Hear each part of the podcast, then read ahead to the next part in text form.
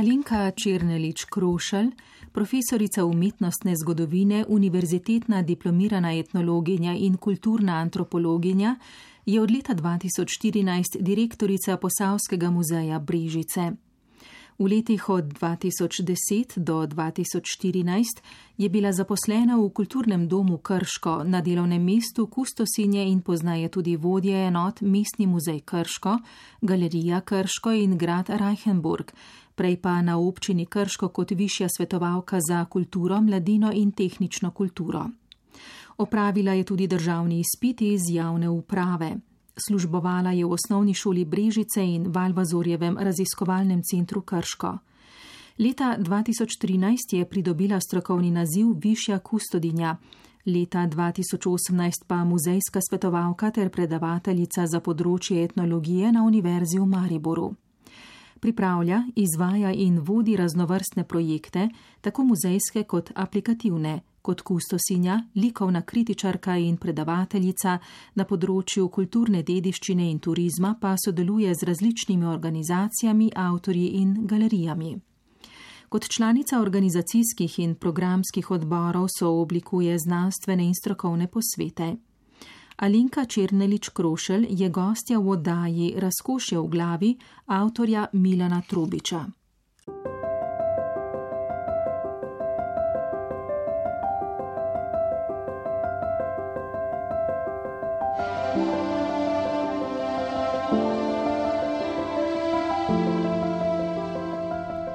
Alenka Črnelič Krošelj deluje v različnih stanovskih in drugih društvih v mednarodnem, državnem in lokalnem okolju.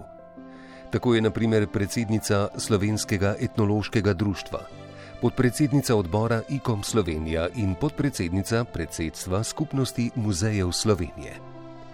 Od oktobra 2019 je predsednica Alijanse Mednarodnega muzejskega sveta Jugovzhodne Evrope je tudi predsednica strokovnega sveta Slovenskega etnografskega muzeja v drugem mandatu, predsednica sveta pokrajinskega muzeja Kočevje in članica upravnega odbora Las Posavje. Ob njenem prihodu na čelo Posavskega muzeja Brižice je bila to mirna ustanova s številnimi dobrimi strokovnjaki, ki so imeli malo priložnosti, da bi vse to, kar znajo, tudi javno predstavljali in ker je prišla iz dinamičnega okolja, v katerem je sodelovala pri številnih projektih, ki se niso posvečali le strokovnosti, ampak tudi predstavljanju in promociji njihovega dela, je bilo prav to tudi prvi korak na njenem novem delovnem mestu direktorice. Kako pa je tekla njena študijska pot? Alenka Črnilič Krošelj. Študij, ki sem si ga izbrala, je bil res en tak lep študij, še posebej etnologija. Po duši sem tako zelo etnologinja. Je bil potem seveda pri pridobivanju nekih možnosti za preživetje pa kar velik izziv. Tako da to, kar zdaj počnem od leta 2014, je moja šesta služba. Vmes sem pa tudi sodelovala v številnih projektih. Tako da začetki so bili taki zelo projektni, ker tudi je bilo kar težko za te projekte dobiti tudi kakšno plačilo. No? Ampak v bistvu nekako se je ta moja pot gradila in zdaj sem v muzeju, tam, kjer si želim biti. Ne toliko na direktorskem mestu, ampak toliko dela v muzeju, nekako je za nas, ki smo si izbrali te študije, ena taka najvišja stopna, no, saj za številne pa za me tudi. In to sem imela res srečo, da sem delala v odličnih projektih, predvsem v občini Krško, kjer smo ustanavljali oziroma muzej, kjer smo obnavljali grad Reichenburg. Tam sem bila v Krškem približno 12 let, no in zdaj sedem let pa že v Brežicah, kjer pa je že leta 1949 bil ustanovljen regionalni muzej. In to je res muzej, pač več kot 70 let, pokrivamo vsa področja, pokrivamo to območje, ki statistično je regija, ne pa formalno, ne se pravi od Radeč pa do meje s Hrvaško na tem delu Slovenije in pa sižemo še v Kostanjevico na Krki ter delno tudi v Bistrico v Sotli. Tako da v bistvu nekaj več kot 70 tisoč ljudi je nekako naših, ne posavskih in to je res izjemen izziv, ker dediščina pa pestra. Mi smo na tej poti vseh strani iz zahoda na vzhod, ne vedno nekako ob meji med Štajersko, Krajinsko, tako da je zelo, zelo zanimivo. Zakaj pravzaprav etnologija?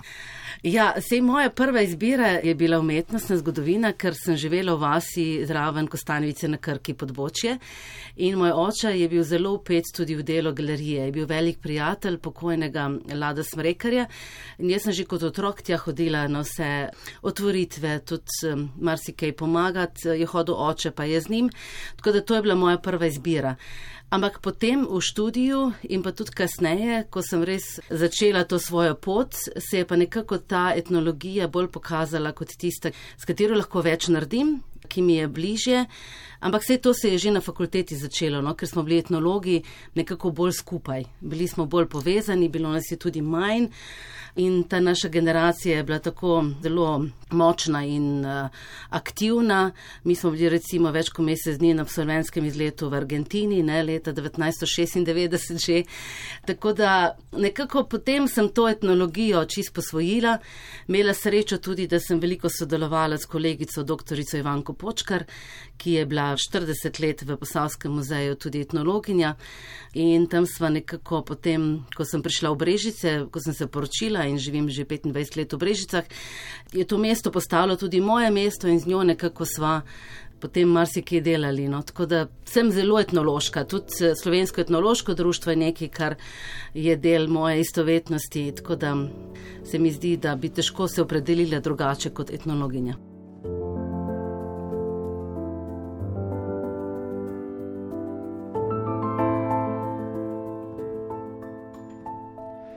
Študij v večjih mestih je vedno svoje vrste izziv, saj številni, ki prihajajo sem študirati iz bolj oddaljenih krajev, po koncu študija najraje ostanejo kar v velikih središčih. Služb v manjših krajih ni na pretek in če hoče kdo študirati humanistične znanosti, je možnosti še toliko manj. Kako to, da se Alenka Črnelič Krošelj ni odločila, da gre po opisani poti in po študiju ostane v Ljubljani?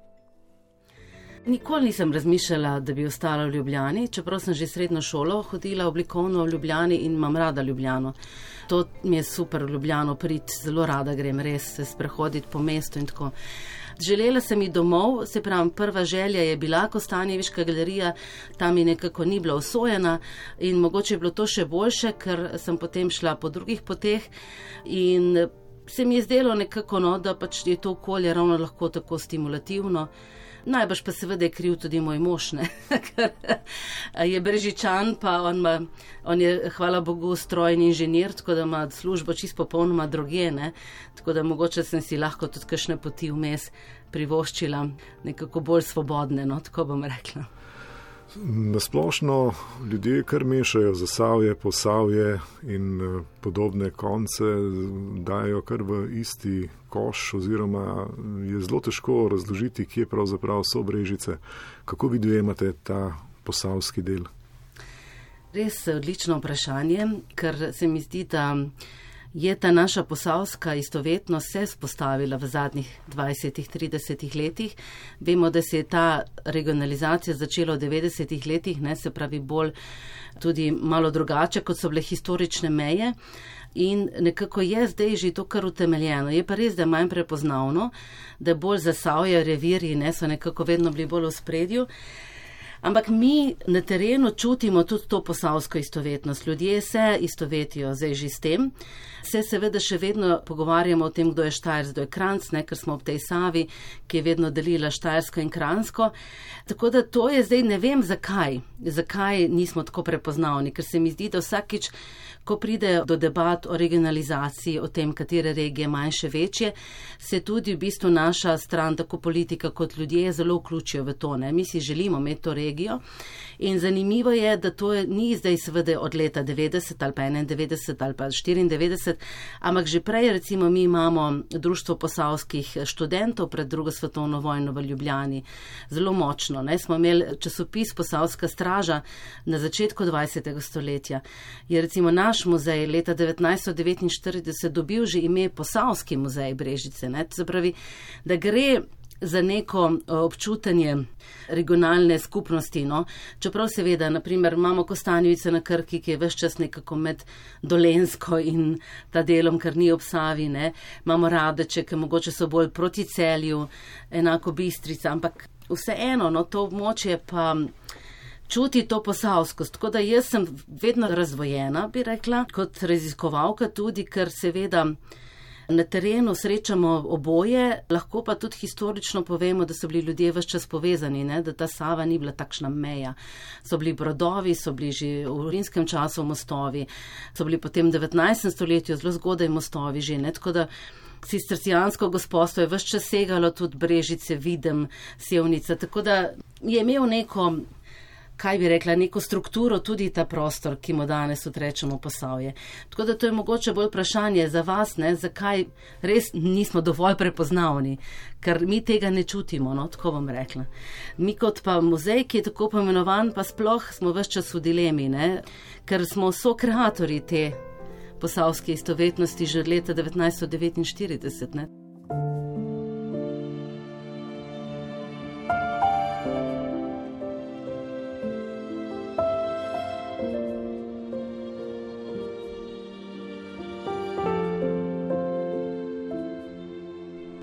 Nekako velja, da so etnologi in etnologinje zavezani terenskemu delu in da jih delo v muzejih utesnjuje, čeprav na drugi strani brez njih skoraj ni muzeja.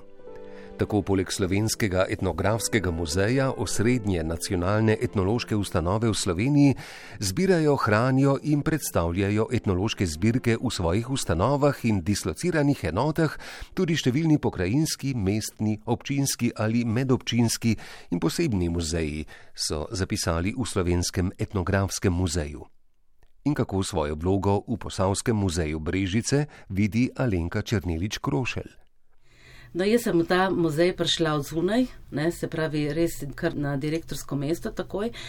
Mislim, etnologija je zelo široka, ne, mi se res ukvarjamo z vsem in nekako nam to tudi da široko znanje. No, saj jaz imam tako občutek, jaz sem lahko vedno črpala bolj iz nekih etnoloških, metodoloških znanj, recimo. Ne. Tudi recimo to, da imamo zelo radi ljudi, se mi zdi, da imamo etnologi, ker drugače ne moreš biti etnolog, je velika prednost. In ko prideš v tak kompleksen muzej, kot je pač naš, jaz sem še z velikim veseljem, ker sem videla to kot eno veliko priložnost sem tudi želela, da se ta muzej bolj odpre. Jaz sem zelo človek prireditev dogodkov, dostopnosti. No? To se mi zdi, da je zelo pomembno in to se je pokazalo tudi v našem muzeju. Recimo, da je bilo zelo veliko odličnih ljudi, ki imajo znanje, ki imajo veščine, mogoče so imeli manj možnosti, da so to predstavljali. In zdaj se ukvarjamo na ta način, delamo večje zgodbe, recimo večje razstave, večje projekte, kot so naprimer štiri elementi, se pravi voda, zrak, ogen, zemlja. Delamo pa tudi manjše recimo, kot so posavske muzejske vitrine, kjer izpostavimo en predmet ali pa enega človeka ali pa pač neko, neko sebino, ki nam ne vzame toliko časa, je pa prav svede, da je tudi predstavimo. Tako da se mi zdi, da to je tudi ta etnološki pogled. Ne? Mi vedno vidimo človeka, vidimo posameznika, ni nam toliko pomembno, ali je zdaj izjemno slaven ali pa pač ne vem kaj naredil, ampak v predmetu, ki ga imamo, ne, lahko seveda vidimo širšo zgodbo in jo pripovedujemo. In to se mi zdi pa odlično, smo v zadnjih letih odkrili kar nekaj pozabljenih ljudi, tudi javnosti pokazali, kdo se recimo izhaja iz naših krajev in to se mi zdi pa tisto najlepše. Tako da jaz, poleg seveda teh stvari direktorskih, ki jih je treba pač početne, uživam predvsem v tem, da čutim to naklonjenost ljudi, ki k nam prihajajo, da jim to tudi nekaj pomeni, da lahko mi jim povemo, koliko nam to pomeni, kar pripovedujemo. Ne? In to je res nekaj najlepšega, tudi v teh časih, ko smo manj v stikih, ampak čutim nekako, ne, da ljudje potrebujejo muzej, da imajo radi ta muzej. Da je to en prostor, ki ni samo za nas, ki ni samo za stroko, ni samo za znanost, ni samo za evidentiranje, raziskovanje, dokumentiranje, varovanje, ne? ampak da smo res tisti, ki delamo s to našo skupnostjo. Upam, da nam to uspe, no, to, to bi si najbolj želela.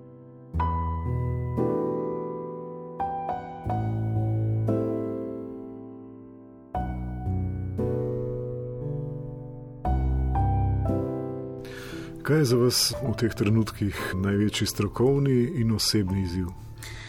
Osebni izziv mogoče, ampak je povezan tudi s službo, ker jaz bi zelo rada, da so pač na moji sodelavci, naši sodelavci nekako zadovoljni. Smo v teh težkih časih, mi se dobivamo tudi na kolegijih samo virtualno, ne? ker se res pazimo. Nismo imeli toliko okužb, tudi da nismo še prekuženi, recimo znotraj našega kolektiva. In se mi zdi, da tukaj je kar veliki izziv držati to skupnost. To je veliki izziv.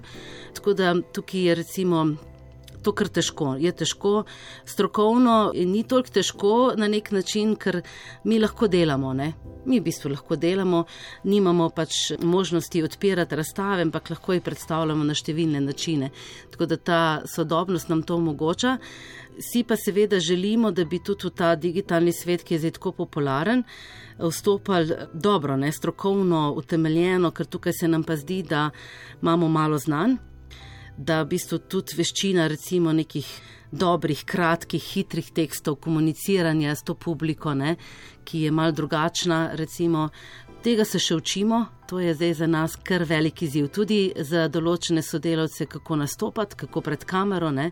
Eno je otvoritev, recimo, ko so tam ljudje, drugo pa smo zdaj ugotovili, da to, ko pa se snemamo, ne, ali pa ko gremo na drug način do ljudi, pa je za veliko naših sodelavcev kar stresno, ne? je ta odgovornost velika. Tako da to so tako veliki izzivi. Dolgoročno pa seveda upam tudi, da ne bomo imeli večjih finančnih težav, ker naš muzej je bil kar uspešen tudi pri pridobivanju lastnih sredstev.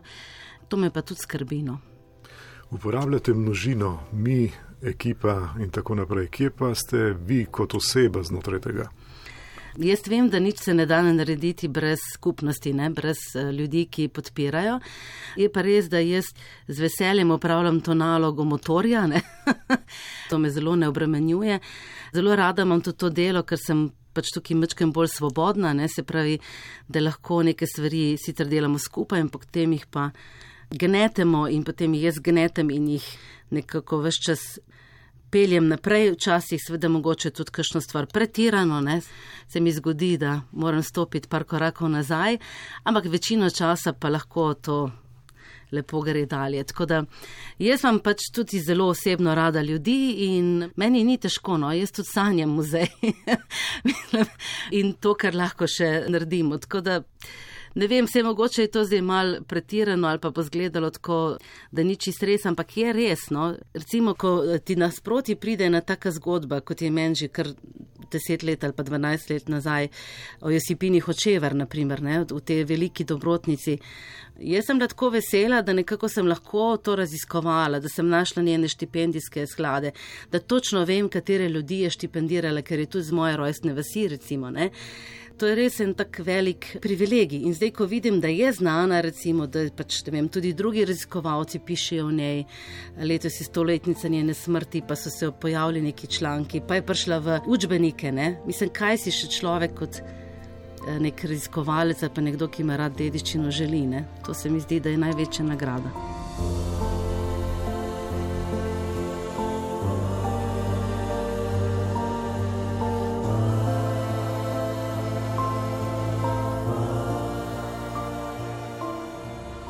Alenka Črnilič Krošelj je izredno dinamična in aktivna, saj deluje na najrazličnejših področjih, je predsednica posavske podružnice Slovenskega protestantskega društva Primoža Trubarja, članica Društva za oživitev mesta Brežice, članica Društva 1824.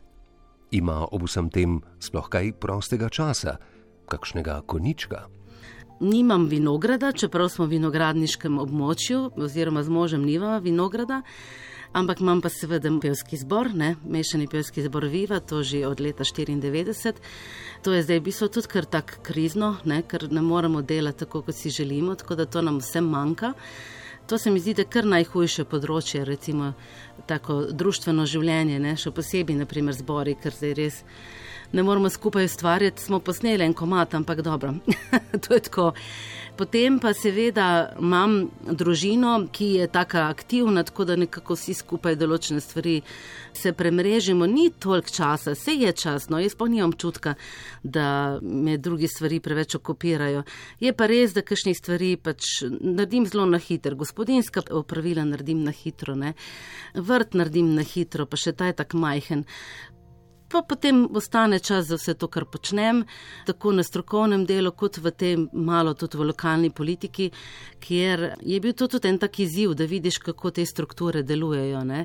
Pa da lahko seveda naredimo tudi kaj več za dediščino in mislim, da je fajn, če si malo zraven, no? da vse čas opozarjaš, no? ker naše mesto Brežice je lepo mesto, ampak naprimer ker dolgo je trajalo, da je prišlo v zavez, da je treba vodovodni stolp obnoviti, ne, recimo, ki je eden od dveh v Sloveniji, ampak pri nas je kar propadal, ne, ker se jim zdelo mogoče komu, da imamo te dedičine že preveč, pa imamo grad, pa imamo še grad Pišece, pa Bizelsko, pa imamo mestno jedro, pa imamo železni most in tako naprej. Ne. Seveda, vse čas so nujne neke investicije v dediščino, ne.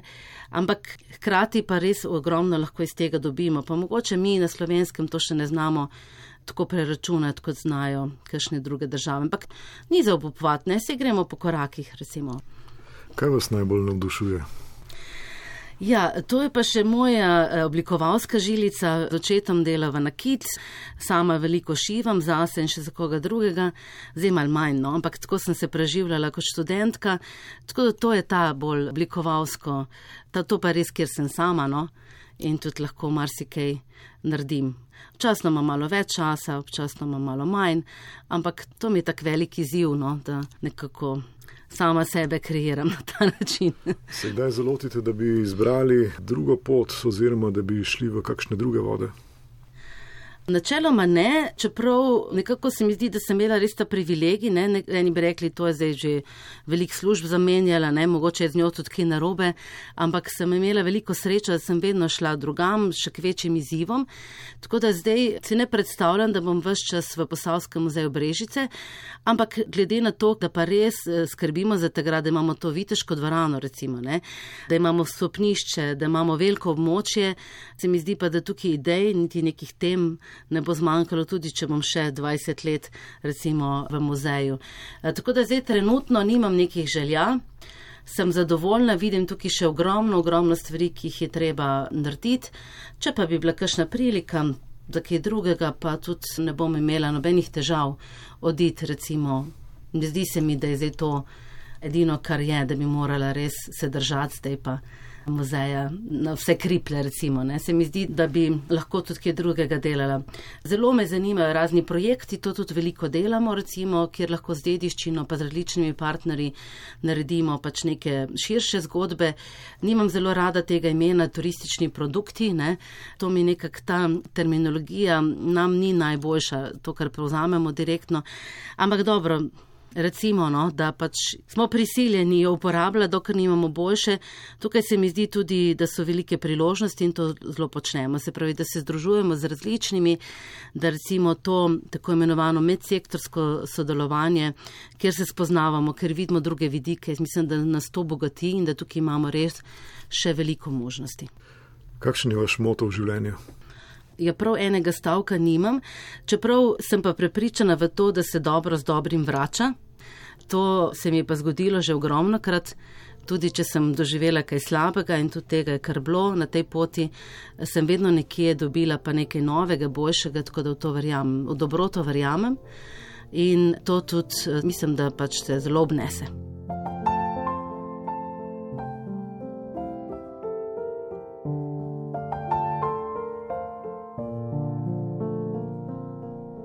Alenka Črnelič Krošelj je polna idej in je vedno v ustvarjalnem gibanju. To pomeni, da ima vse polno načrtov, tako znotraj Posavskega muzeja, ki ga vodi, kot tudi načrtov, kako povečati prepoznavnost Posavja na področju kulture v najširšem pomenu besede.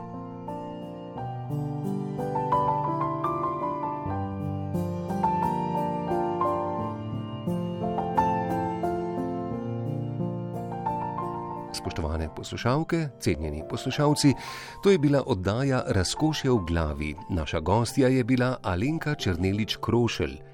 Avtor oddaje Milan Trobič, tehnična izvedba tonski mojster Miha Klemenčič, glasba Rudi Pančur, napovedovalec Igor Velše. Oddajo lahko spet slišite na spletni strani radio1.si, na kateri najdete tudi zapis in fotografije. Na voljo pa bo tudi v vaši aplikaciji za podkaste. Srečno!